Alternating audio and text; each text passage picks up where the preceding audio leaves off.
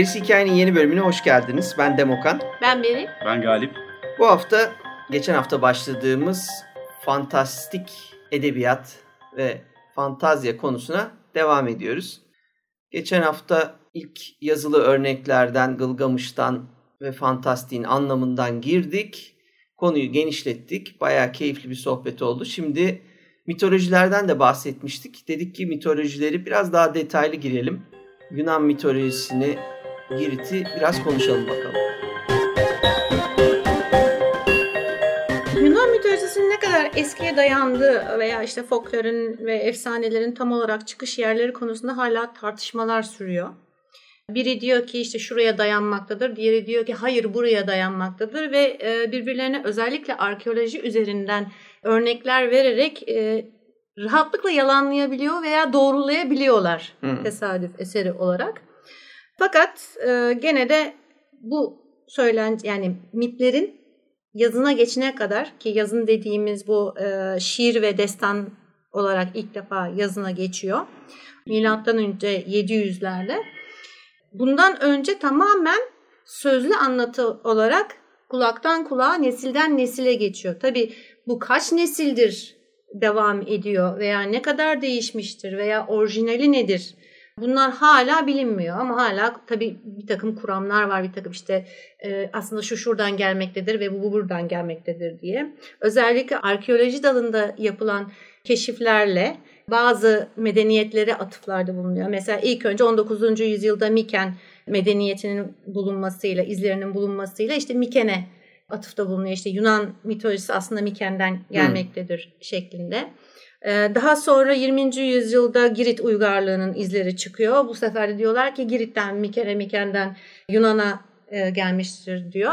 Fakat tabii bölgeyi düşünecek olursanız ve oraya gelen gideni düşünecek olursanız evet. bütün bunların var olmuş bütün söylencelerin toplamının yani bilinen işte ve o saate kadar yazına geçene kadar hayatta kalmış söylencelerin toplanmasıyla başlanıyor. Bu nasıl toplanıyor? İşte yani pek çok kültür bir araya girmiş diyebiliriz. Öyle belirli bir kültüre atfetmektense arkeolojide bunu bulduk. Bunların hikayesiydi bunlar kadar basite indirgemektense hı hı. pek çok medeniyet binlerce yıldır bu bölgede yaşadı, kuruldu, yok oldu ve bunlardan kalanlar sonunda bir noktada yazıya dökülmeye başlandı. Tek bir medeniyetin ürünü değil yani. Aynen. aynen. Bir de orada şu da var. Bir örnekle ben bunu izah etmek istiyorum. Aklımdaki şeyi, resmi. Mesela biz Dracula örneğini verdiğimiz zaman vampirin bazı özelliklerinin Çin'den, bazı özelliklerinin işte Mezoamerika'dan, Orta Amerika'dan, bazı özelliklerinin İrlanda'dan, bazı özelliklerinin de Balkanlardan geldiğini söylemiştik. Yani bir köken araştırırken. Ee, ama işin ve günün sonunda Bram Stoker oturup Dracula'yı yazdığı tarihten itibaren Dracula Londra'da geçen, Wessex'te geçen bir hikaye haline gelmişti. Yani en kabaca tabir etmem gerekirse, öyle bir metaforla izah etmek gerekirse İngiltere'nin bir mitolojisi haline dönüştü Dracula. Bu hikayeler de e, milattan önce 700'de tarihliyorsun, 900 diyen de var. İşte yazıldıkları dönem itibariyle Yunan medeniyetinin hanesine yazılmış gibi duruyor. Yani onların hesabındaymış gibi evet. görünüyor. Çünkü Fenikeliler var, Mikenler var, e, Girit uygarlığı var. İşte devamında gelen e, evvelinde Mısır var. Bunlar birbirine yakın yerler. E, Sümer, Babil, Akat, Elam e, gibi güçlü dörtlü var bir tane öbür tarafta. Bir de ticaret nedeniyle de insanlar hikayeleri birbirine alıp satıyorlar. Biz vampir hikayelerini anlatırken, vampiri tanımlarken Indus Vadisi'nden M.Ö. 1800 civarında çıkıp da bütün dünyaya yayılan, yani M.Ö. 1000 senesinden itibaren şey kaydı görülebiliyor.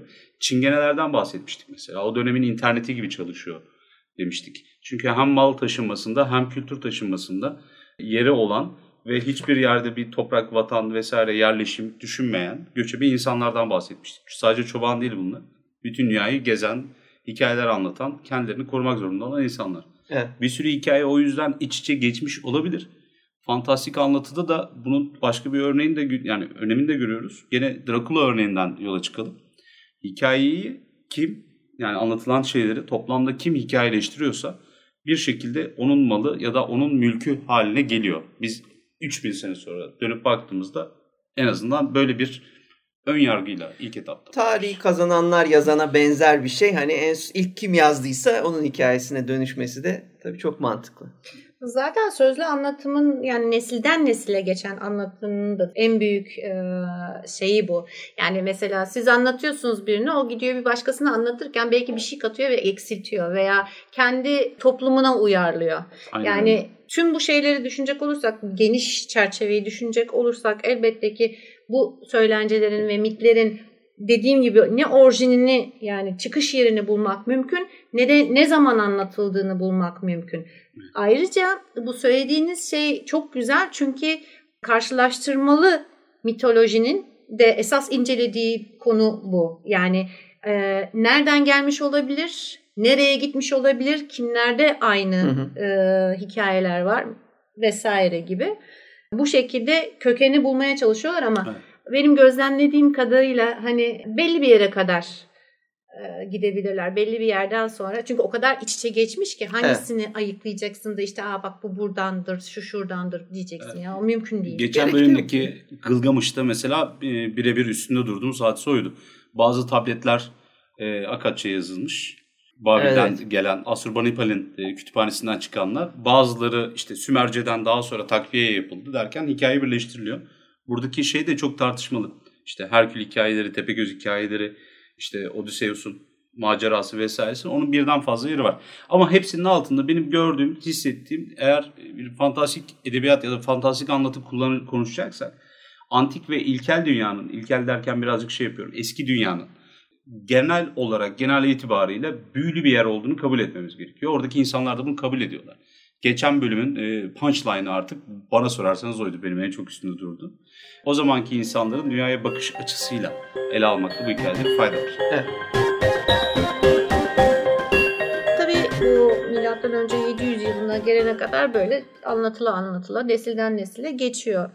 Daha sonra işte e, Homer, e, Homer ya da Homer, Homeros. Homeros Evet. artık. yani evet. e, pek çok isimle çağırabiliriz. Latince, Yunanca, Ca- Türkçe, filan derken. Aynen öyle. Hamil Ee, falan çıkacak onun adı en sonunda. Ege'den, Denizli'den falan. Olmaz olmaz deme olur tabii. yani. Çünkü e, Homer, Homeros'un nerede yaşadığı ve tam olarak ne zaman yaşadığı kesin olarak belli değil. Yani kim olduğu da kesin olarak belli değil. Yani bir söylenceye göre Hesiod'dan önce yaşadığı kesinlikle e, söyleniyor. E, varsayımlara göre işte İzmir'de yaşamış olduğu söyleniyor veya İtaki'de yaşamış olabileceği söyleniyor o zaman için. Ya da Sakız Adası. Evet. Ondan sonra fakat yani buna dair kesin bir ellerinde bir şey yok. Fakat Homer'in yaptığı şey tüm bu söylenceleri alıp gayet güzel bir şekilde düzenleyip sıraya sokup yani tabii ki kendi ölçüsünde e, sıraya sokup birazcık da güzelleştirip ve onu çiçeklendirip diyelim yazına geçirmesi bütün bu mitolojiyi. Evet. Yani söylenceleri tam bir panteon ve bir mitolo- mitolojik bir evren haline sokuyor. Orada ben başka bir örnek daha vermek istiyorum. White Wolf FRP dünyası vardır meşhur. 90'larda ortalığı kasıp kavuran özellikle dark fantasy, karanlık fantasy türünde masaüstü e, fantastik rol yapma oyunları için çok güzel bir kurulum, altyapı, e, bir dünya tasarlamışlardı ve bu oyunları da satmışlardı daha sonra. Yani oyuncular bilir, e, bilgisayar oyunlarından bilirsiniz, filmlerden, Underworld'dan bilin falan gibi. Şimdi ben Homer deyince aklıma hep o geliyor. Şimdi Kurt Adam, Vampir, ondan sonra işte Hortlak vesaire gibi şeyler ya da vampir avcıları ya da mage'ler, işte büyücüler vesaireler bunların hepsi anlatının içinde vardı. White Wolf ortaya gelip kendine ait bir dünya, bir sunu, bir maceranın içerisinde bütün bu yaratıkları kullandığı için biz White Wolf'un böyle bir karanlık alemi, gotik, e, karanlık fantezi bir alemi evreni üzerinden konuşur olduk. Homer de benzer bir şey yapmış olabilir. Kendinden evvel gelen öyküleri kendisinin kurgulamış olduğu bir maceranın içerisinde dizmiş olabilir diye düşünüyorum. Truva Evet. Savaşı'ndan E, tutun da. tabii, tabii Bu sözlü anlatının kökeninde bu var işte zaten. Bir sürü hikaye var. Başkalarının hikayesi belli ki. Ama bunu bir kişi alıyor, toparlıyor. Sonra birden onun evrenine dönüşüyor. Tak işte Homer'in e, şey büyülü dünyası aslında o ama işte Homer değil de atıyorum Ömer vardı bir tane sözlü anlatıcı aşık. O da eminim ki çok başka şekilde anlatıyor. Hititlerin ya da işte Truvaların gözünden savaşı anlatmış olabilirdi. Ya da işte bir Amazon prensesinin evine geri dönmesi Truva Savaşı'ndan sonra Odysseus yerine kullanılabilirdi. Ama şey önemli. E, kitabın başında kimin müellif olarak, yazar olarak kimin adı varsa ona mal oluyor bir şekilde. Evet. Herodot da Homer ve Hesiod için bu iki şairin Yunanlılara tanrılarını armağan ettiğini yani verdiklerini söyler. Tabi Homer Hesiod'dan önce ilk önce Homer'in işte İlyadını görüyoruz ardından e, Odisey'ini görüyoruz. Daha sonra Hesiod'un Teogonisini görüyoruz. Teogoni tanrıların doğuşu yani seceresini anlatıyor. Yani hangi tanrı nedir ne değildir, e, kimdir? İlmihal gibi bir şey yapıyor. İlmihal gibi. Değil mi? Evet. O Homeros'tan sonra yaptığına göre bunu yani tamam ortada bu tanrılar vardı ama belki de Homeros'un bunları toplaması onu heyecanlandırdı mı diyelim. Yani o tanrıların doğuşu Homeros'un İlyadası'ndan Odysseus'undan sonra. Yani Evet. tanrılar önce doğmuşlar zaten oradalar sonra yazıya geçiriliyor, geçiriliyorlar ve yeniden detaya düzenleniyorlar geçiyor. sanki. Kültür kendini bir 50-100 senede atıyorum tarikatlar nedeniyle, anlayış değişmesi nedeniyle vesaireyle işte kültür daha sonra da dine dönüşüyor ya. Dinler de aynı şekilde. Yeniler yeniden bir daha işte bu e, Pantheon'u, Teogoni'yi yeniden ortaya koyar.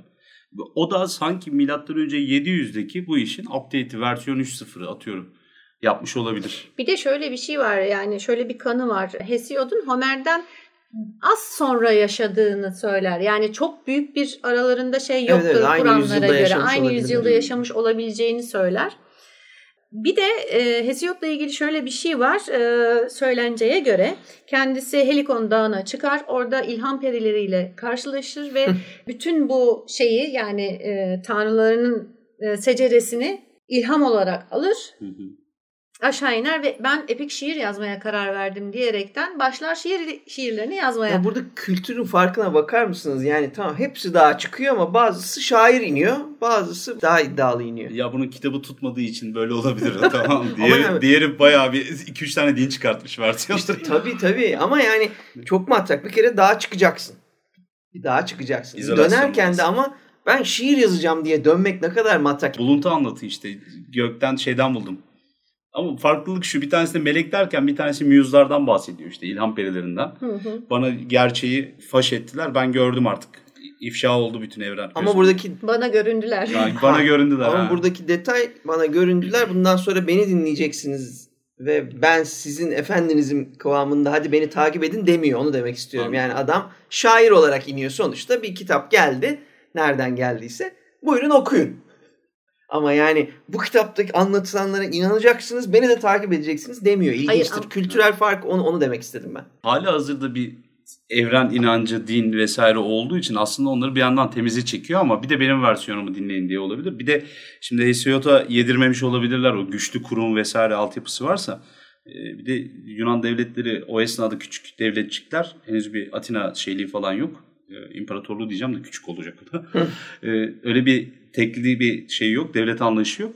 Her yerde ayrı ayrı e, ülkecikler var artık şehir devletleri kabul etmemiş de olabilirler. Öbür tarafta Delphi'nin falan söylediğini, rahibelerin söylediklerini daha ciddiye almış olabilirler yani. Sen- Zaten kabile kabileler yani baktığın zaman o Tabii. şey e, o zamanın haritasına hep kabile kabile neredeyse yani. Aşiretler birbiriyle Aşiretler. konuşuyorlar. İşte Aşil'den gelelim. Aşilet.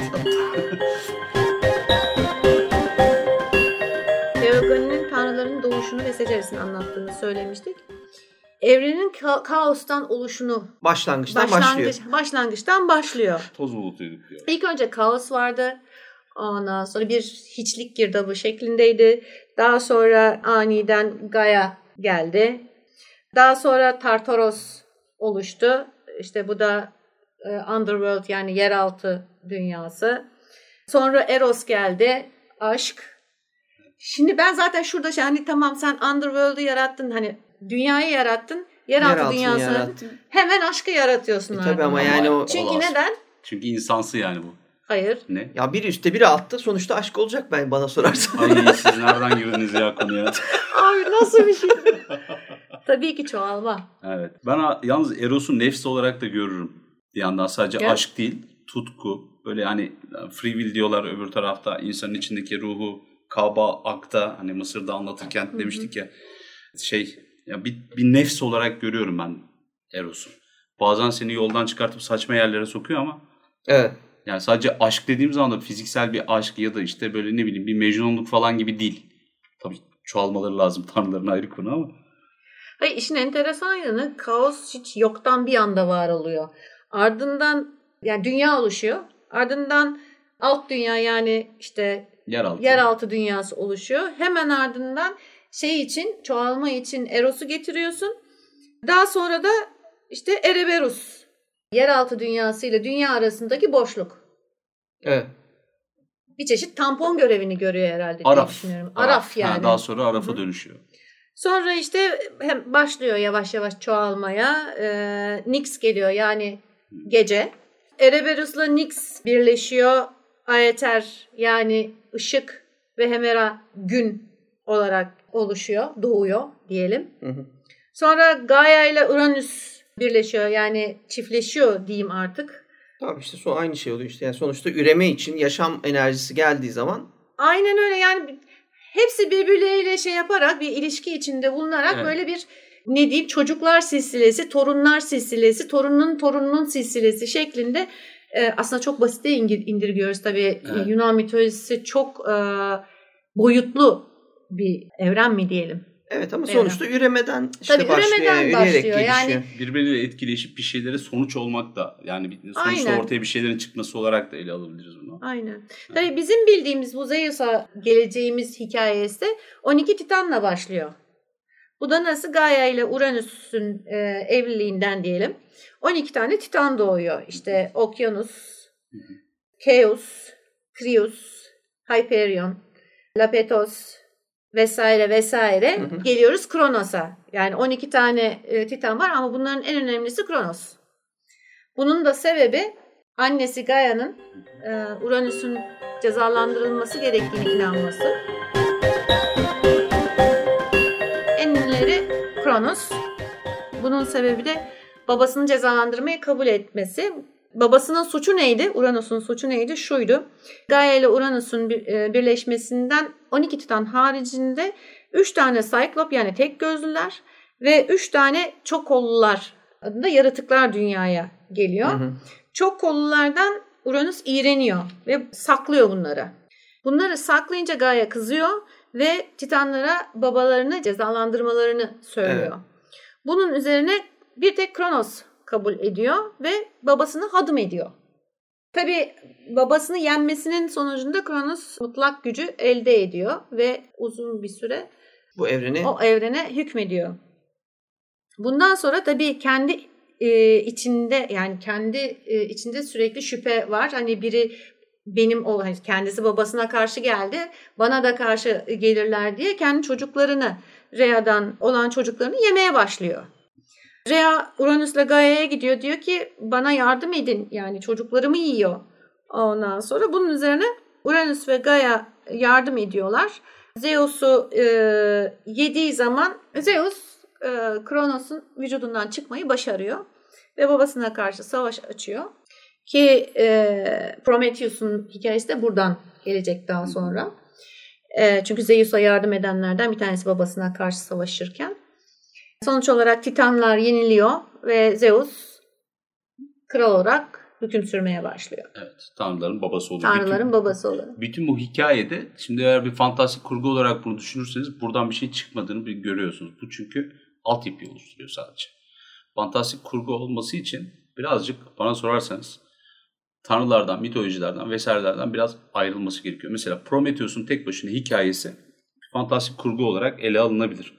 Ama Zeus'a gelene kadar ki bütün bu macera toplamı bir mitoloji olarak gözümün önüne geliyor. Ve şey yapamıyorum. Bir macera içerisinde değerlendiremiyorum. ya zaten liste gibi görünüyor dediğim. Yani bu sanki bir harita, haritaya Zemin. yaymışsın, zemine yaymışsın. Orada işte bu tanrı var, bu tanrı. Önce karakter yani daha birinci sayfa bu. Ee, Shakespeare gibi karakterleri anlatıyor bize, tanıtıyor. Bu karakter şunun Evet. babası, bu karakter bunun oğlu. Sonra bunların arasındaki ilişkilerden oluşmuyor mu fantazi? Evet.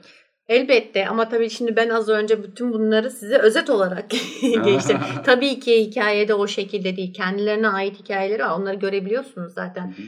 Ki bu da hani her ne kadar liste gibi görünse de aslında bu bile işte babaya karşı çıkma veya güç için çocuklarını yeme veya bu tür şeyler aslında fantastik kurgunun e, temelini oluşturan ve gerçekten fantastik kurguda ayrı hikayeler oluşturabilecek temeller. Fantastikten hemen evvel de tragedyaların konusunu oluşturmuştu bu konular. İşte kesinlikle. Çocuğunu kesinlikle. kör etmeden tut da işte.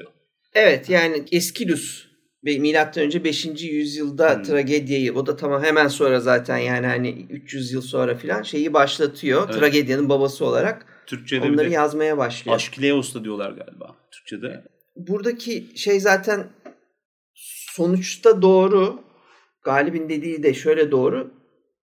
Hikayeye inmen gerekiyor. Tıpkı senin dediğin gibi yani e, Zeus'un hikayesinin özeline indiğin an zaten fantastik kurguyu buluyorsun. Babasının Hı. içinden fırlayan kurtulmaya çalışan adamın hikayesi veriyor. Bir anda o baskıdan kurtulmaya çalışan gencin hikayesi aslında evet. e, alt metni de zemini de sağlam. Bütün evet. dünyaya ait bir yandan da bir fantastik fantastik bir şekilde dışa vuran bir hikaye veriyor. Önemli olan bu haritanın içindeki karakterleri eşli, eşleyerek bizim bir hikaye yaratmamız. Ve bunun altyapısı da işte çok güçlü bir şekilde bin yıllarca sözlü anlatıyla Yok gelmiş. Galip'in dediği doğru zaten. Yani sonuç olarak e, Teogoni'ye şöyle baktığın zaman bir yol haritası. Yani hem yol haritası ama aynı zamanda kendi işlerinde de ufak ufak hikayelerinin olduğunu ve bunların hani temel oluşturduğunu Evet. Çünkü adam oradan alacaktır. Ha ne yaptı? Karısı kocasına kızdı, hadım etti. Ondan sonra çocuklarına babanızı cezalandırın dedi hani. Ha, bu bile kışkırttı. başlı başına Tabii. evet yani evet. onun için söylemiştim ben. Ama bu eskimiyordu biliyor musun? Yani bu çok temel olduğu için. Hı hı. Yani hani Eros ya bu bayağı Eros'un işi hikmeti bu. Eros'un ifade ettiği şey bu. Yani aşkta var, kıskançlıkta var, tutkuda var, hırs var vesaire var. Bunların hepsini barındırıyor. Daha sonra seneler sonra Shakespeare'de de görüyorsun bu temayı biraz önce söylediğim gibi tragedyalarda da görüyorsun. 21. yüzyılın e, şeyde, epik fantastiklerinde ya da işte gelen kara fantastiklerin vesairenin içerisinde de görüyorsun. Hatta steampunk'tan tut da cyberpunk'a kadar hepsinde yeri var. Kışkırtan anne, ondan sonra babasını ya da şeyini, e, halefini öldürmek zorunda kalıp yerine gelen adam. Aynı zamanda bir genç olarak bir düzenin içerisinde 12 tane kardeşi var. Sıradan bir adam aslında Zeus.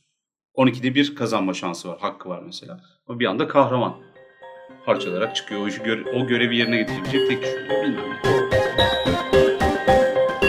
Evet. Yani biz burada fantastik kurgudan girerek bunu anlatıyoruz ama baktığınız zaman hani bütün e, hikayelerin özünde aynı mitlerdeki hikayelerin benzerlerini görebilirsiniz. Evet. Yani Amerika'yı tekrardan keşfetmiyor evet, sonuç evet. olarak. Sadece yoğuruyor, düzenliyor, şekillendiriyor. Bir tane site buldum çok güzel.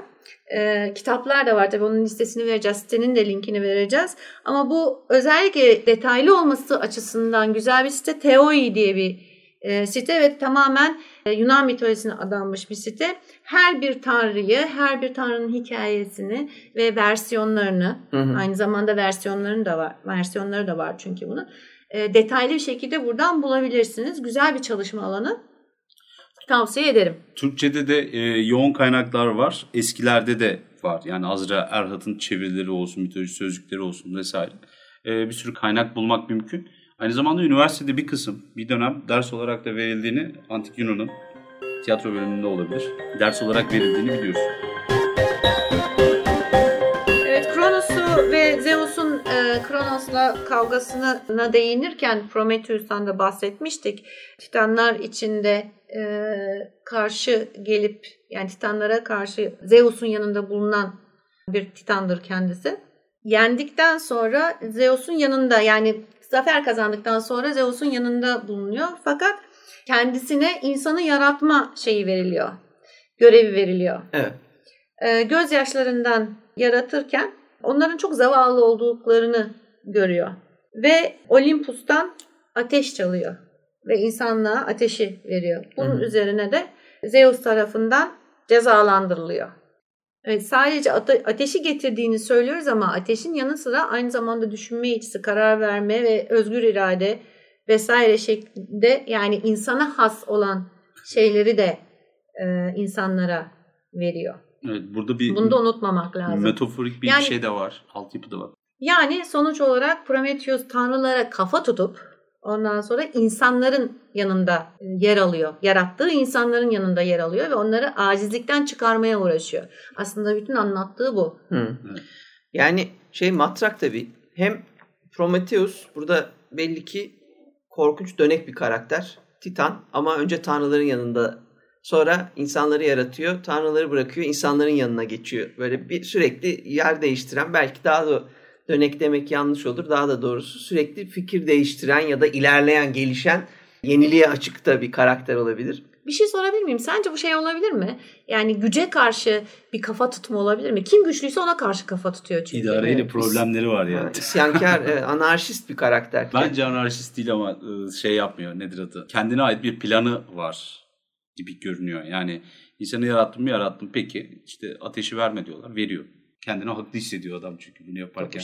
Ya zaten çok da güçlü değil bir yandan bakarsan tanrılarla yan yana koyduğumuzda ilginç bir şekilde gözyaşlarından insanı yaratıyor. Ama o yarattığı insan yetersiz kalıyor. E, Çünkü alet Onu yapamıyor. güçlü, işte ha, onu sonra güçlendirmeye çalışıyor ve e, dediğin metafor ortaya çıkıyor. Ateşi onlara veriyor. Yani aslında özgür düşünmeyi, alet yapmayı vesaireyi öğretmiş oluyor sanki. Ya da yakın buraları demiş ama bizimkiler yanlış anlamış da olabilir. Gözyaşı ve kil bu arada. Sadece Tabii gözyaşı değil. toprağa karışmadan Tabii canım o, o olmaz. Sümer'den gelmişti. Enki bu aslında. Ea. Yani bir şey var canım ya baktığın zaman bir isyankarlığı, bir anarşistliği, kardeş sen misin en güçlü? Tamam sana kafa tutuyorum. Ben gider insanları sana öyle bir güçlendiririm ki bir gün gelir onlar da sana kafa tutar ki nitekim. Yapıyorlar. Aslında düşünecek olursan o oluyor. Evet. Yani evet e, ölümsüz değiller. Evet hani zayıf varlıklar olarak geçiyor ama insanların zaten bütün o kahramanlık hikayeleri tanrıların karşısında insanların ne şekilde üstün geldiğini anlatıyor. Zekasıyla, yaratıcılığıyla, işte özgür iradesiyle vesairesiyle. Bu da bir ironi zannedersem. Evet. Hani o, O birazcık da ihtiyaçtan doğuyor. Şimdi sen öyle bir altyapı kuruyorsun ki aciz değilsin artık. Böyle yani karıncadan, taştan daha alt seviyedesin. Bir şekilde kurnazlıkla, ondan sonra bazen güçle, bazen iradeyle vesaireyle bir hayatta kalıyorsun. Sen de onlarla aynı seviyeye geliyorsun. Yer yer tabii ama yani. Şey, Tabii. Kimse tanrıların seviyesine kolay kolay çıkamıyor. Bir iki tane örnek vardı ama. Prometheus'tan sonra Athena'nın doğuşuna gelelim. Bunu kısaca geçeceğim. Zeus aynı Kronos gibi kendi yerine birinin yani daha güçlü e, birinin geçeceğini düşünerek çocuğunu yutuyor. Çocuklarından birini, Birini. diyelim. Ha, aynen öyle. Çocuklarından birini yutuyor. Fakat Athena geri fırlayıp ve üstüne üstelik tamamen yetişkin olarak fırlayıp bir de üstüne üstelik savaş giysileri giymiş şekilde ortaya çıkıyor. Böylelikle savaş tanrısı. Bir de büyük bir Yani baş ağrısı yapıyor. diyelim. Baş ağrısı yapmıştır o kesin. Evet, Evet. kesin baş ağrısı yapmış. Hephaistos galiba kafasından mı çıkartıyor? Benim dikkatimi çeken Zeus'un da aynı Kronos gibi şüpheye düşmesi ve Evet, evet. o gücü elinde tutmaya çalışması her nesilde devam eden bir şey. Demek ki bunların hamurunda var. Evet.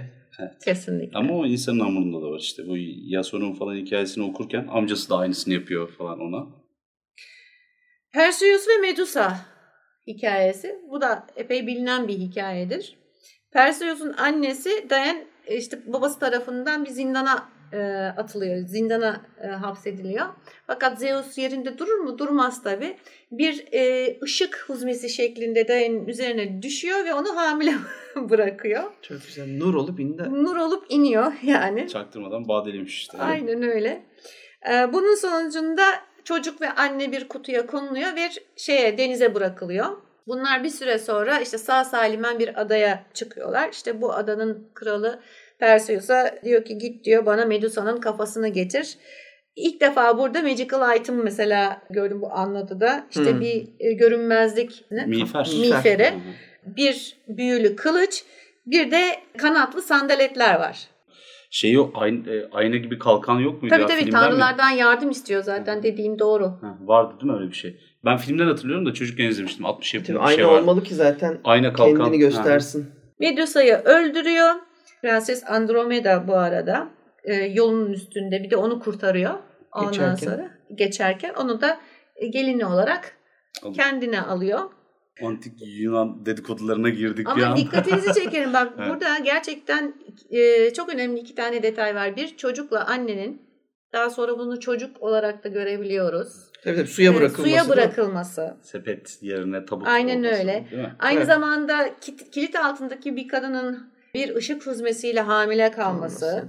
e, büyülü şeyle tanrılardan yardım isteyip onların ona büyülü eşyalar vermesi. Evet yani destek almak için mesela ateşi bulmuşsun ama insanlarda hala daha öyle bir şey yok. Alet, edevat, güçlü bir şey. Onlardan alabileceğin bir destek yok. O daha ileride belki ama şu anda sen tanrılardan ne alıyorsun? Büyülü objeler. Bunlar insan objesi aslında bir yandan da düşünürsen. İnsanların kullanabileceği Evet, şeyler tabii. ama tanrılar veriyor. Tanrılar verirken insanlar kullanabileceği boyuta indiriyor da olabilir yani. Herhalde yani fonksiyon Perseus ne kadar insan tabii. Ama burada şey var tabii ki. Bu da bir başarı hikayesi gibi duruyor. Yani yokluktan sıfırdan geldim vesaire gibi. Yani kahraman ya da iz bırakmış insanların ya da isimlerin etrafına sarılmış, bürünmüş böyle hikayeler bunlar. İşte hala da şeyde değiliz ama yani e, dünya hala fantastik. Evet, Mucizevi, bunlar- büyülü yer falan. Bu hala fantastik edebiyat sınıfına çok oturtamıyorsun ama kökeni bu yani çok belli.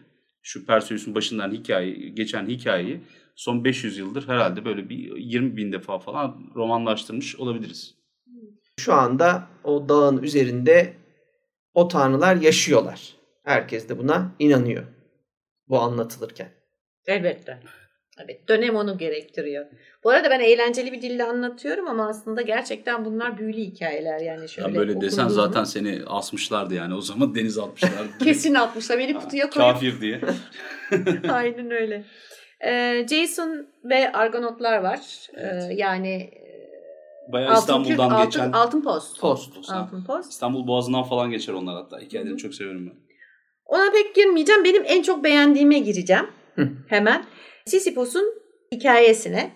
Ölüm aldatılabilir mi veya e, ölüme çelme takılabilir mi hikayesi bu. Sisyphos son derece akıllı, kurnaz. Yani hatta böyle tilki gibi kurnaz lafının tam uyacağı tipte bir adam. Hı hı. Kendisi tecavüz ediyor, çalıyor, yalan söylüyor vesaire vesaire. Yani bildiğin İyi bir kötü adammış bu ya. İyi bir kötü yazmış adam. kim yazdıysa. gerçekten iyi bir kötü adam. İlk önce bu, ya bu adam sadece insanları değil aynı zamanda tanrıları da aldatıyor. Hı. Ve başarılı da oluyor. Tabii sonunda çektiği ceza fena bir ceza ama şöyle ki ilk önce Asopus var e, nehir tanrısı. Kızını kaybediyor. E, Sisyphos da gidiyor diyor ki ona senin kızını diyor Zeus aldı. Hı. Bunun üzerine nehir tanrısı gidiyor Zeus'a ama hakikaten Zeus almış. Yani almış kızı ama Ortada bir kız kaybolduysa o dönemde Zeus'tan biteceksin zaten. Evet. Yani, evet. Ya inek ya ışık bir şekilde kafalamıştır. Tavlamıştır. aynen Zeus tabi ispiyonlandığı için şeye e, Sisyphos'a kızıyor. E, bunun ardından Thanatos'u yolluyor yani Ölüm. ölümü yolluyor. Bunun üzerine şey diyor ki Thanatos'a diyor ki bana diyor bir göster bakayım diyor. Hani kelepçeden nasıl kurtulursun bunun trikini göstereyim yani bunun olayını göstereyim derken ölümü bir güzel kelepçeliyor. Ondan sonra ondan bir şekilde e, kaçmayı başarıyor. Fakat tabii ölüm kelepçelenmiş bir şekilde mahkum düşünce kimse ölemiyor. Yani kafası olmayan, işte ne bileyim hastalıktan çürümüş insanlar hala yaşamaya devam ediyor. Bunun üzerine Ares ölümü kurtarıyor. Böylelikle dünya üzerine ölüm tekrar geri dönüyor. Hı. Ee, fakat tabii mecburen Sisyphus da ölüm diyarına gidiyor Hades'in diyarına. Fakat gitmeden önce Sisyphus karısına diyor ki sakın beni diyor gömme diyor. Ondan sonra yarım yamalak diyor ayarla böyle şeyleri cenaze işlerini. Ondan sonra beni sakın gömme diyor. Neyse aşağı iniyor. Persefone var. Hades var. Diyor ki işte tamam diyor beni beni aldınız da diyor. Ben, ben diyor gömülmedim diyor. Benim kadın diyor doğru düzgün bana da diyor cenaze diyor şey yapmadı diyor. Görevini yerine getirmedi diyor. Evet. Bana izin verin üç gün yukarı çıkayım diyor. Ondan sonra cenaze işlerimi tamamlayayım sonra ben istediğiniz gibi alın diyor. Persephone de buna kıyamıyor. Yani gerçekten inanıyor. Yolluyor üç gün. Ama Üç gün At- oluyor. iz yok. İz yok ve ta ki yaşlanana kadar ondan sonra tabii ölmüyor. Yani ancak yaşlılıktan ölüyor. Yaşlılıktan ölünce ve tekrar Hades'in mekanına dönünce buna güzel bir ceza veriyorlar. Çok iyi bir sopa atmışlardır gibi. Sopa mopa değil. Bir koca kayayı bir yerden ta bir tepenin tepesine kadar götürmek zorunda ve orada bir nokta var oraya koymak zorunda. Fakat hiçbir zaman o noktaya ulaşamıyor. O kaya tekrar geri yuvarlanıyor ve o her seferinde geri itmek durumunda kalıyor. Sonsuza dek itiyor o kayayı yani. evet, Mısır'da e, şu meşhur bok böceğinin şey hikayesi, evren hikayesi de aynı şekilde geçer. Evet. Birbirinden alıyorlar. Şey ilginç ama ya bu anlatılan hikayeler mesela zaman içerisinde o dönemin espri anlayışı da değiştiği için insanlardaki etkisini de kaybettiği için mesela bugün bizim eğlence anlayışımız 20 sene evvelinden farklı. 30 sene evvelinden farklı. Bilgisayar oyunlarını gördük biz. 80'lerin e, video fırtınası esnasında Hollywood filmlerini gördük. Hikaye, anlatı, film hızlı olması gerekiyor bilmem ne falan. Şimdi bu anlatmış olduğun hikaye çok naif geliyor. İçindeki korku öğelerine rağmen. Ve e, dünya üzerinde de bunun işte Binbir Gece'de bile var. Cini şişeye hapsetme hikayesi. Küçük bir çocuğun, çoban çocuğun hikayesi var.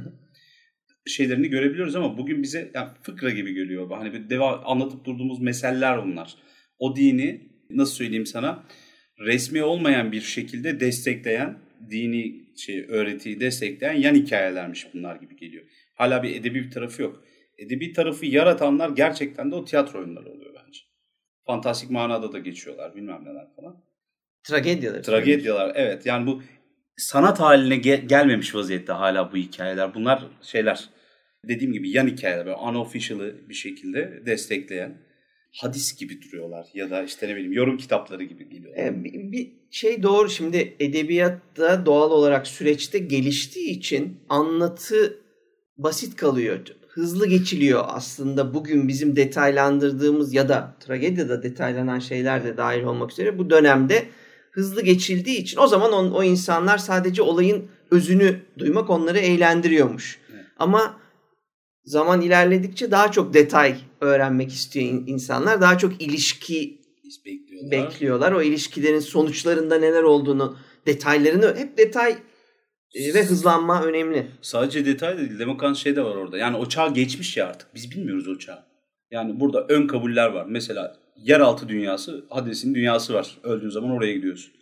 İşte karısına dediğinde aman beni tam gömme dediği zaman Kemal Sunal'ın bir filminde de vardı ya aman hortum ayağıma denk gelmesin falan diye esprisini yapıyor. Evet. Şimdi biz ne oradaki ölü gömme adetlerini biliyoruz günümüzde. Bizde ya tabut olacak ya işte kefen olacak falan. Ne ondan sonra Persephone'yi biliyoruz. Ne kaçıp kurtulma hikayesini, ne işte ölümle öyle oyunlar oynandığını vesaire. Hiçbir şey bilmediğimiz için, ön tanımlı olarak gelmediği için bizde şey yapıyoruz. Oturup böyle ya beni ikna edemedi. Acaba arkada başka bir hikayem var. Biraz daha anlatsana falan diyoruz. O nedenle şey geliyor. Biraz bize masalla değil fıkra geliyor şu an. Küçük geliyor böyle.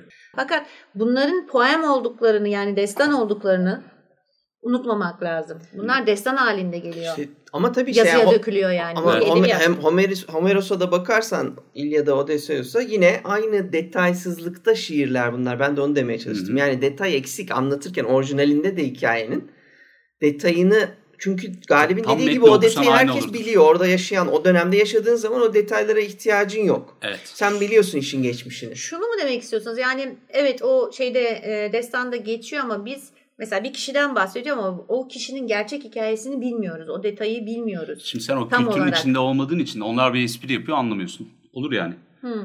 İşte Ya bir de şey yapmıyor canım işte uzun uzun adam uzun boyluydu işte saçları şu kadar uzundu kahverengiydi gözleri şöyleydi kulakları böyleydi. Homeros yapıyor onu ya. Gemilerden Ama inen bazı bütün şeyleri- malları sayıyordu yani. Hayır malları sayıyor ama bütün tanrıları, bütün karakter mesela ana karakterlerin hepsini tam olarak neye benzediğini ondan sonra e, geçmişlerinin hepsinin ne olduğunu vesaire tamam birkaç Anlattı. tane aşile anlatıyor biraz vesaire ama hepsine yani esas e, büyük destana e, sebep olan bütün karakterlerin detaylarını bilmiyoruz. Edebi böyle anlatımlar, uzun uzun tanımlamalar yok. Ha. Tanımlamalar olmayınca da e, İlk örnek olmadığı için geçmişe de ha, sen geçmişe dayanan bilginle hikayeyi dinliyorsun. Oysa şimdi sen bir e, fantastik eserde bir şeyi anlattığın zaman eğer geçmişin bunlara dayanmıyorsa Tabii tabii. herkesin bildiği bir evrene dayanmıyorsa oturup bayağı anlatmak zorundasın. 10 kitaplık bir seriye 8. kitaptan başlamak gibi oluyor bu birazcık. Böyle Evet. bir dini hikaye geldiği zaman. Homeros'ta yalnız şöyle bir detay da vermek istiyorum ben. Biz vaktinde bir arkadaşımla Truva filmi çıktığı anda böyle orta seviye bir tartışmaya girmiştik. Yani tartışma derken kavga etmedik ama karşılıklı olarak geldik geldik geldik. Sohbet geldi Aşil'in saç rengine dayandı. Aşil'in öyle saçı olmaz ya falan diyorum işte pırıl pırıl sapsarı şey geldi.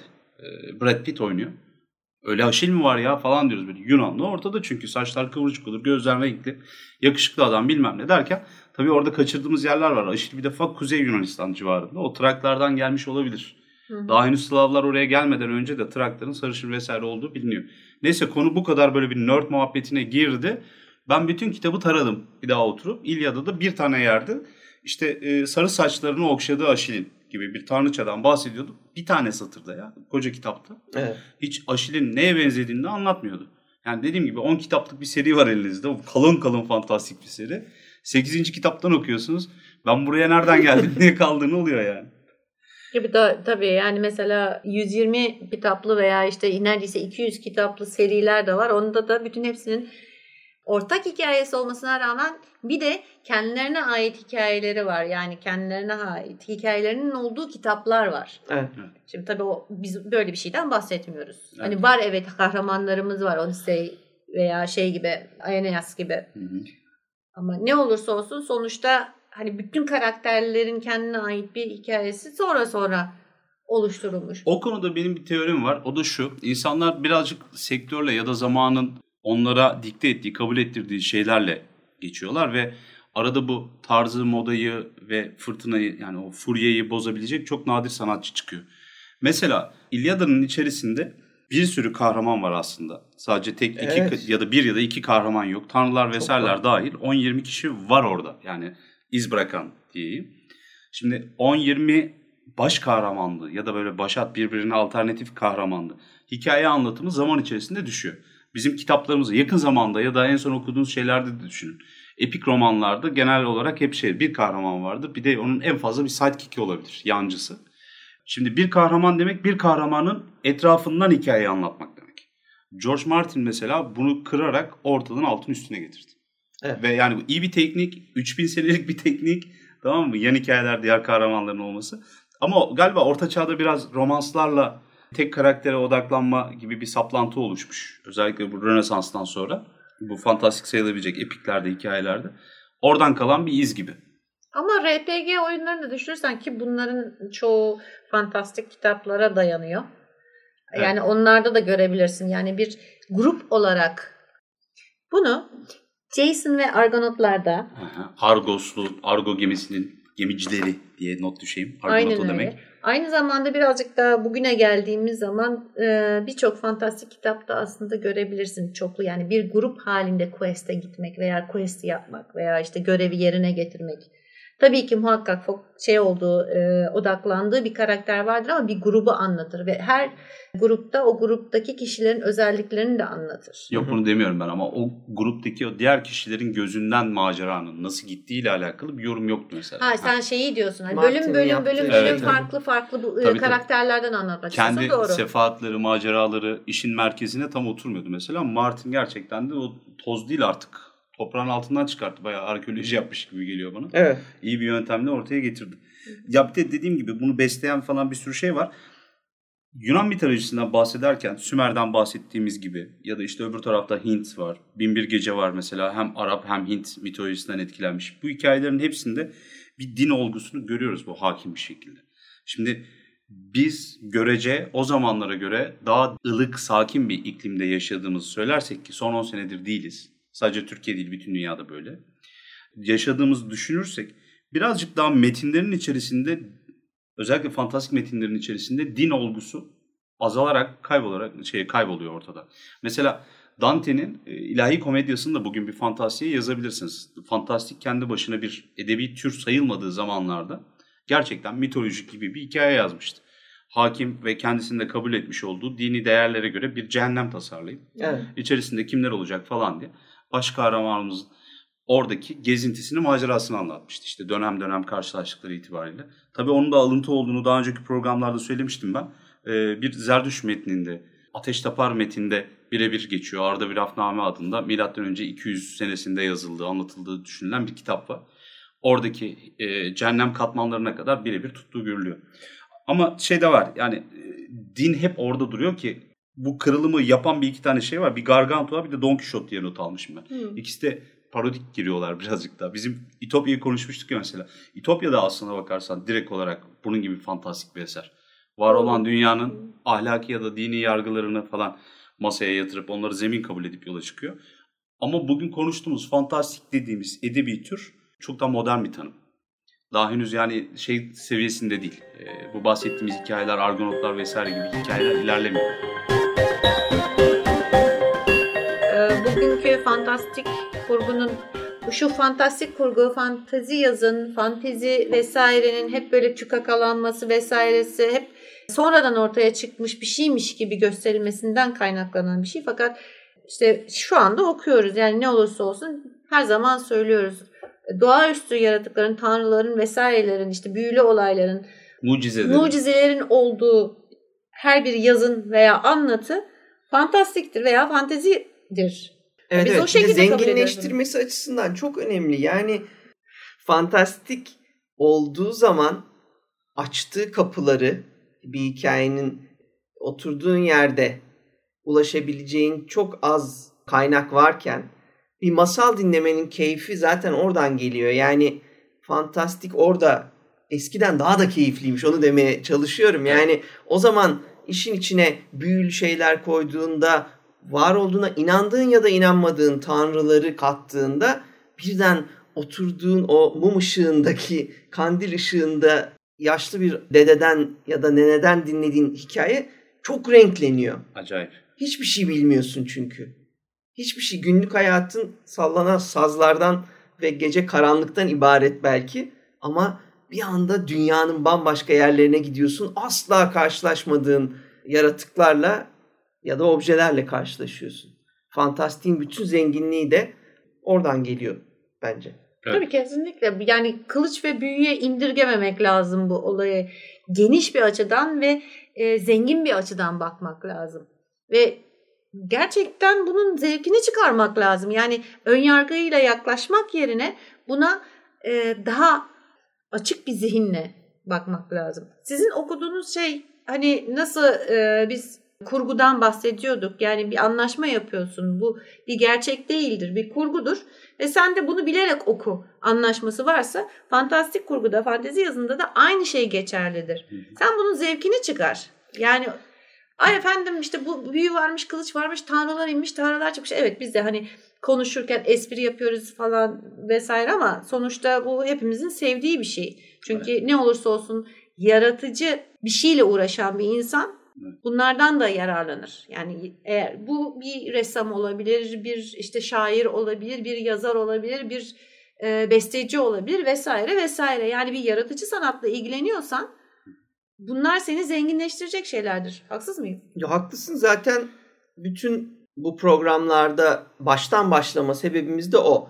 Kim ne düşünürse düşünsün fantastik yazın işin kökeninde başlıyor. Zaten fantastikten başladığımız gerçeğinin biraz altını çizelim. Ne kadar büyük bir geçmişe ve ne kadar büyük bir kültüre dayandığını detaylandırmaya çalışıyoruz. Kesinlikle öyle. Yani bugün fantastik yazınla alakalı gerçekten şaibe yok artık.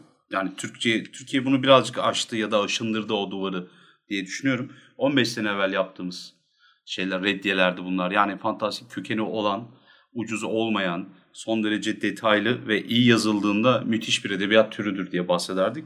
Bugün ben bir edebiyat türüdür demekten bile çekiniyorum, imtina ediyorum. Çünkü yani bayağı bildiğiniz edebiyattır fantastik dediğiniz şey. Evet. Bir de zaman içerisinde bugün insanların çok beğenip de edebiyat yani genel edebiyat saydıkları şeylerin fantastiğin içerisinden ve parça parça çıktığını da kabul etmek gerekiyor. Kahraman hikayeleri gene kahraman hikayeleri. Hı hı. Bu yani e, kurmacı olmayan diyeceğim ama Türkçedeki tam karşılığını şu an aklıma getiremedim. Non-fiction tabir ettikleri. İçerisinde hayal gücünün, minimum tutulmaya çalışıldı. Yani biyografi mesela. Evet yani biyografi, otobiyografi vesaire eserler ya da tatil gezme kitapları da olabilir. Evet. Anı kitapları olabilir gibi. Şimdi bunların hepsinin içerisinde de fantastiğin ortaya koymuş olduğu kahraman, macera, gezme, başımdan geçenler şunlardı, şöyle değişik insanlarla karşılaştım bir şeyler yok mu zannediyorsunuz? Tabii ki var. Ya da polisiyeyi ele alalım. Polisiye Poe tarafından artık 1820 civarında 30 civarında netleştirilip adı konulmuş olan bir tür. Evet. Ve gizem alt türünden çıkıyor. Yani gotikle tartışıyorlar insanlar ilk başta. Gizem bilinmezcilik üzerinden başlıyor.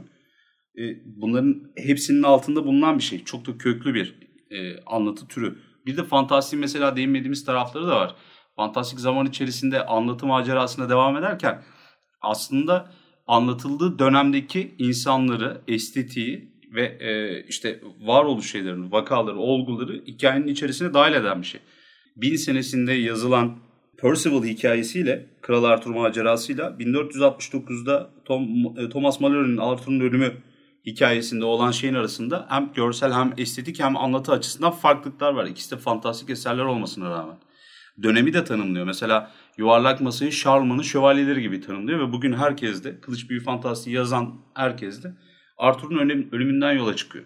Başka bir hikaye bahsettiğinizde de işte bir tarihsel değilse bile çağdaş şeylerden yola çıkıyorsunuz. Kahramanlardan, karakterlerden, etrafımızı saran şeylerden.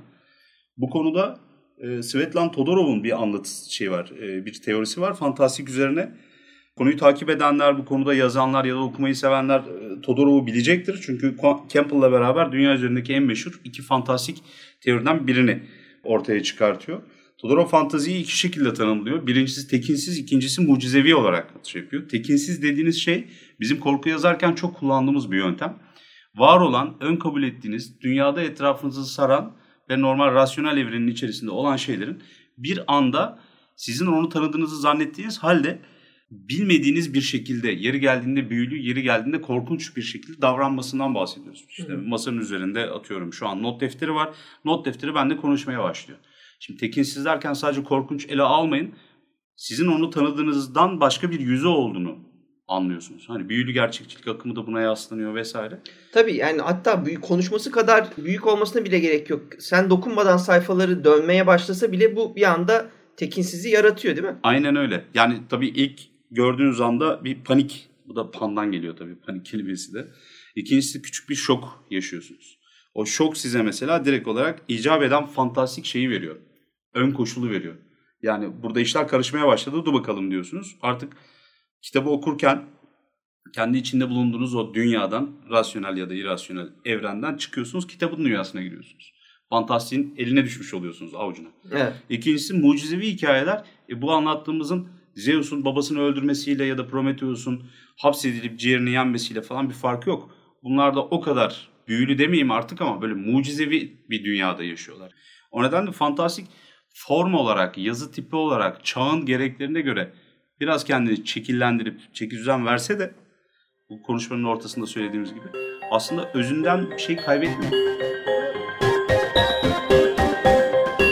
Bahsettiğimiz hikayeler gibi pek çok hikaye var.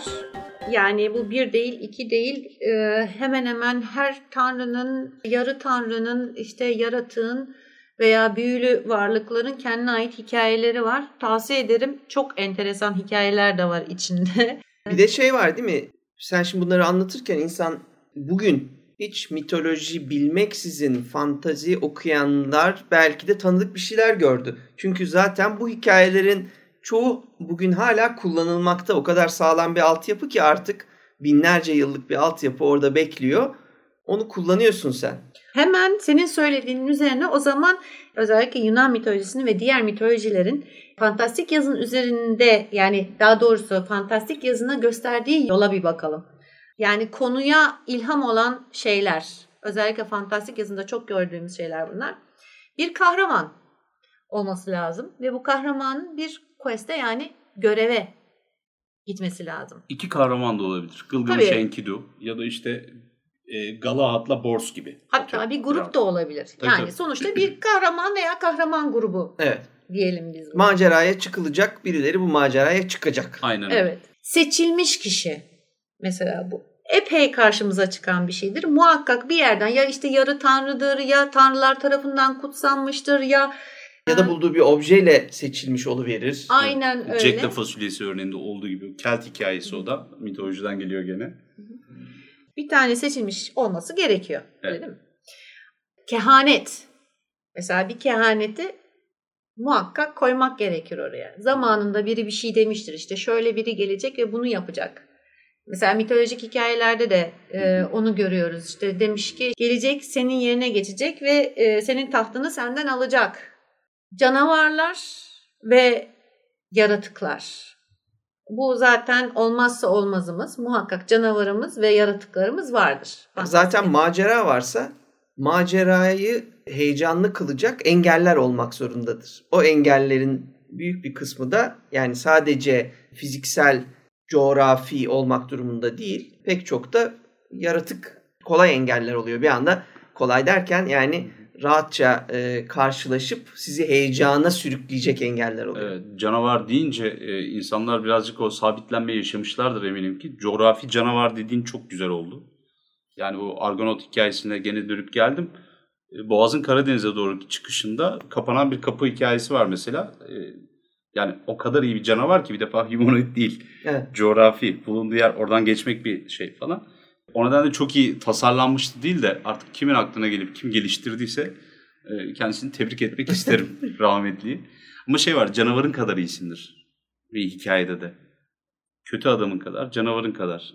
Bunlar büyük çok şey katıyor. Gerçekten Evet. çok şey katıyor. Kahinler veya yol göstericiler. Mentorlar evet. mentor, kahin veya buna benzer muhakkak bizim e, kahramanımıza veya kahramanlarımıza bu görevinde yol gösterecek, Büyülü objeleri verecek. uyaracak, El verecek. el verecek Evet. e, birileri olması gerekiyor. Hemen büyülü objeler dedin. Büyülü objeler. Bu güç yüzüğünden tutun Evet. işte Kılıca kadar, kılıca Excalibur. kadar, kılıçtan tutun işte Ateşe görünmezlik Miğferine, kadar. miğferine kadar. Altın posta kadar. Pek Yani şey. her şeyi düşünebilirsiniz. Bu Alaaddin'in lambası, Lambası. da Tabii olabilir. canım tabii. Tanrılar ve ilahi yaratıklar. Şimdi muhakkak bir düzen olması gerekiyor. Bütün fantastik evrende yani yaratılmış olan bütün fantastik evrenlerde bir düzen olması gerekiyor. Ha, illa bu tanrı vesaire mi olması gerekiyor? Belki hiç tanrıyı vesaireyi göstermez ama sadece hissettirir. Ama mutlaka bir izi vardır. Yani o izi her zaman görürsünüz. Düzen ve hiyerarşi. Mesela bu da vardır. Yani ilahi yaratıklarda veya işte tanrılarda veya e, İnsanlarda da olabilir bu. insanlarda da bu hiyerarşiyi veya bir toplum sistemini Nizam diyelim. nizam Hı hı. çeşit Olacak çeşit ki Evet. yine bunlar engel yaratsın bizim şeyimize. Ya engel yaratsın ya yürü- kolaylaştırsın, yardım etsin, destek olsun kahramanlarımıza. Genelde de işte bu hani Campbell'ın e, gene söylediği o sistem kırılacaktır zaten. Kahramanın yola çıkma hikayelerinden bir tanesi de o. Ve dediğiniz gibi bu bir tanrısal bir düzen olabilir veya işte kötü kral işte e, canavar toprak ağa falan Tabii, şeklinde. vergiler yüksektir yani bitti. tabii tabii o Robin. Hood çıkıverir. Yani. evet. bir tane ölümcül kusurumuz olması gerekir. Şimdi kahramanımız tabii mükemmel ol, mükemmel görünür ama e, o kendi e, başarısızlığına sebep olacak muhakkak bir kusuru vardır. Evet. Mesela şeyden örnek verelim işte Ejderhamızdan da Reslin Majeri mesela. Hı hı. Kusursuz yani şöyle kusursuz bir büyücü olarak kusursuz görünür ama bünye olarak zayıftır. Öyle her dakika böyle ofada pofada bir şey yapamaz yani Evet. bir büyü yapamaz ve şey olarak da kusurludur. E, zihin Gör. olarak da kusurludur aynı zamanda. Yani zihin olarak derken ne iyidir ne kötü kötüdür. Sürekli iyi ile kötü arasında ortada bir yerde böyle bir gidip gelmesi vardır. İşte Gılgamış'ı al buradan. Yani e, tanrılara kafa tutmaya gidiyor ama şeyle Humbaba ile vesaireyle karşılaştığında insan olduğunu hissediyor, fark ediyor yani. Gene tanrılardan yardım dileniyor. Kusuru var hala insan diye. Babaların günahları vardır mesela. Ha, miras. Miras. Yani mirasla kalmış bir ne diyelim buna? Lanet, bela. Lanet, Ha. bela, Evet. curse. Yani bir Borç şey yani olur. kısaca. Kısaca borç. Ödenmesi borcu gereken bir ödenmesi borç. gerekir. Tabii ya berbat işler bunlar. İki dünya arasında sıkışıp şöyle iki sıkışıp kalmak. İki tane büyük güç vardır. Mesela iki tane ne tanrısal güç vardır. Bunun arasında sıkışıp kalır. Ya da iki krallık vardır. Ya da iki krallık vardır. Bunun arasında sıkışır kalır. Evet. Yani bir çatışma vardır. Çatışma hiçbir şekilde kendiyle ilgili değildir ama yapacağı görevden dolayı bir şekilde ona e, dahil olmak durumunda Arada kalır kalmıştır. yani. Arada kalmıştır Aha. yani. Trajedinin bir adı da bu. İki ucu tozlu değnek olarak biliniyor böyle. En son olarak da ölümsüz ve ölümlünün aşkı. Hı. Çoğunda görürsünüz. Bir tanesi ölümsüzdür, bir tanesi ölümdür. Mesela buna en güzel örnek şeydir. Yüzüklerin Efendisi'nde Aragon'la Arwen'in aşkı buna güzel bir örnek.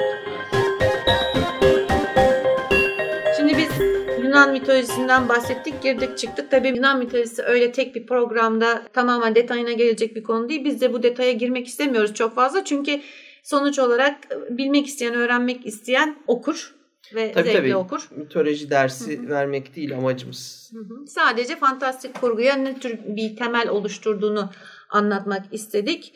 Shakespeare'den tutun Tolkien'e, Tolkien'den tutun bugünün Hı. fantastik serilerinde bile bu izleri rahatlıkla görebiliriz. Fantastik'in başından itibaren genel olarak neler yaptığını, yani nerelerde ne örneklerle görüldüğünü dilimizin döndüğünce ulaşabildiğimiz kadar anlatmaya çalıştık. Bunun esnasında ya bu anlatılar esnasında folklora, mitolojiye ve işte teogeniye çok önem vermiştik ve e, bunların bir köken olduğunu da üstüne basa basa söyledik. Zaman içerisinde bir sürü değişik anlatı yöntemi denense de insanlar bugün fantastiği sadece bir orta çağ şövalye kahramanlık destanı gibi ele alıyorlar diye de düşünüyorlar diye şey yapıyorum. Bu birazcık piyasanın da pompalaması. Yüzüklerin Efendisi'nin etkisinden hala çıkamamış olmamız 10-15 yıl içerisinde. Masalsılığı birazcık daha estetize ettikleri anda gerçekten de bir orta çağ Avrupa'sına özellikle e, Kuzey Avrupa'ya falan denk getirip Hı hı. insanlar ele alıyor. Ama fantastik kesinlikle böyle tek boyutlu bir şey değil. Aslına bakarsanız bilim kurgu, steampunk, ondan sonra korku, Korku zaten. bunların hepsinin üst çatı dalı şeyi yani e, çatısı, çerçevesi hepsinin İçeriyor. Hepsini kapsayan bir şey fantastik dediğimiz. Biz de kendimizi fantastik sayıyoruz ama e, yer yer işte belki ağzımızdan duyuyorsunuzdur o panellerde falan fantastiği o kadar sevmiyoruz falan diye. Bu da bizim genel olarak bir terime saplanmış olmamız. Kılıç büyü fantastiğinin böyle çok masalsı naif olanlarından ben hoşlanmıyorum kişi olarak. Ama sonuçta çok iyi örnekleri olduğunu düşünüyorum. Benim bugüne kadar okuduğum birçok hikaye ve seri oldu. Şimdi ne alaka diyeceksiniz ama Shakespeare'in Bir Yaz Gecesi rüyasıyla Rüyası. Drakula'yı yan yana aynı rafa koymayı çok seviyorum ben. İkisi de fantastik ve e, bayağı iyi hikaye düşündüğünüzde yani bir tiyatro oyunundan. O nedenle fantastiğe bakış açınızı birazcık daha belki yeniden konumlandırmanız gerekebilir. Biz her birkaç senede bir Evet. bunun tartışmasını yapıp bir daha bir ele alıyoruz. İnşallah e, anlattıklarımız e, sizin için de faydalı olmuştur.